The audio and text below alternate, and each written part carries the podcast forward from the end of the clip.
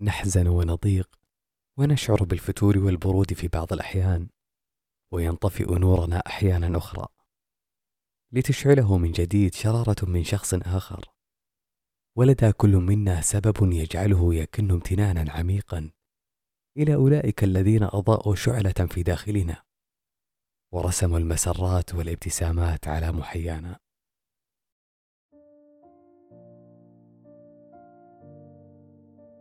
يا أهلا. حينما تعبر عن شعورك لمعروف قدم لك من شخص ما تشكره على ذلك هذا ما يسمى بالامتنان.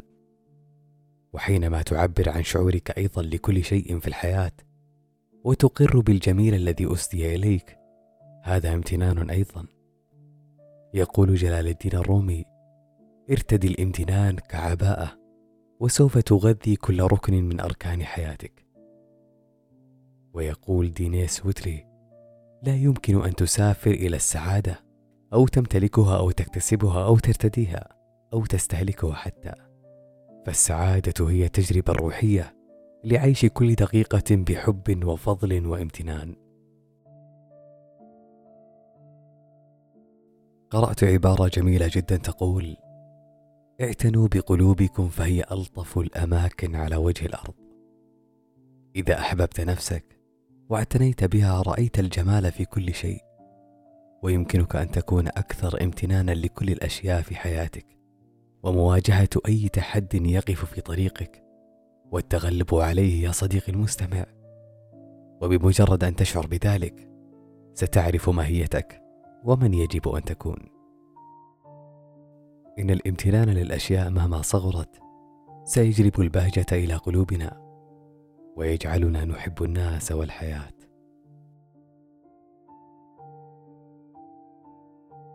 عام جديد أقبل.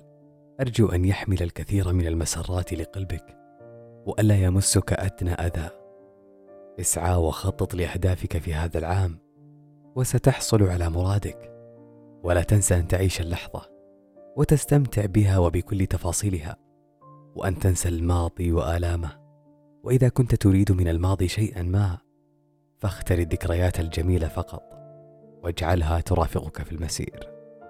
وفي نهاية العام ستبدو فخورا بكل الصعاب التي واجهتها بحياتك بكل لحظة خوف وتوتر وقلق وسهر ستبدو فخورا جدا بعبورك.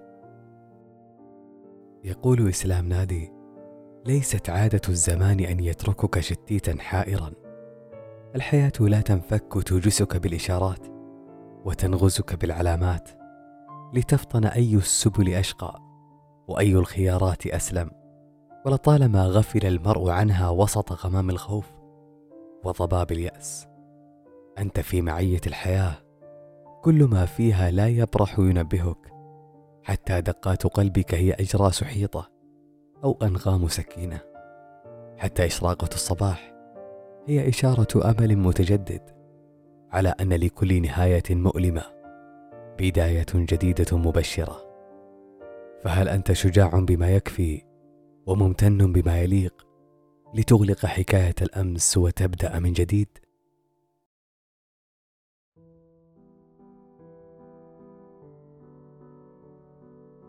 وقبل أن أختم أنا ممتن لكم ولتحفيزكم الدائم والمستمر.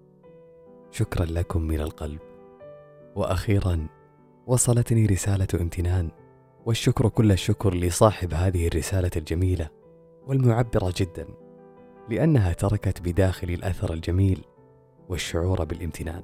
وأقل ما أقدمه لصاحب هذه الرسالة كامتنان الله أن أذكر رسالته. إلى الصوت العميق ذو الأثر اللطيف. لقد لمستني الكلمات بطريقة حانية. جعلتني أسعد بعثراتي في حلقة الخسارة فوز. شكرا لجعلك من يومي ذا قيمة بعمق الأثر الذي تركته الكلمات. شكرا كونك اخترت أن تكون ذا أثر في مجال واسع. امتناني اليوم أن صادفت البودكاست الخاص بك.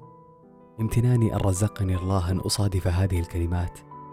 وتعليقي ردا على الكلمات التي اخترتها. فعلا أننا نهمش أرواحنا بخسارتنا. ونجعلها نهاية لا معنى لها.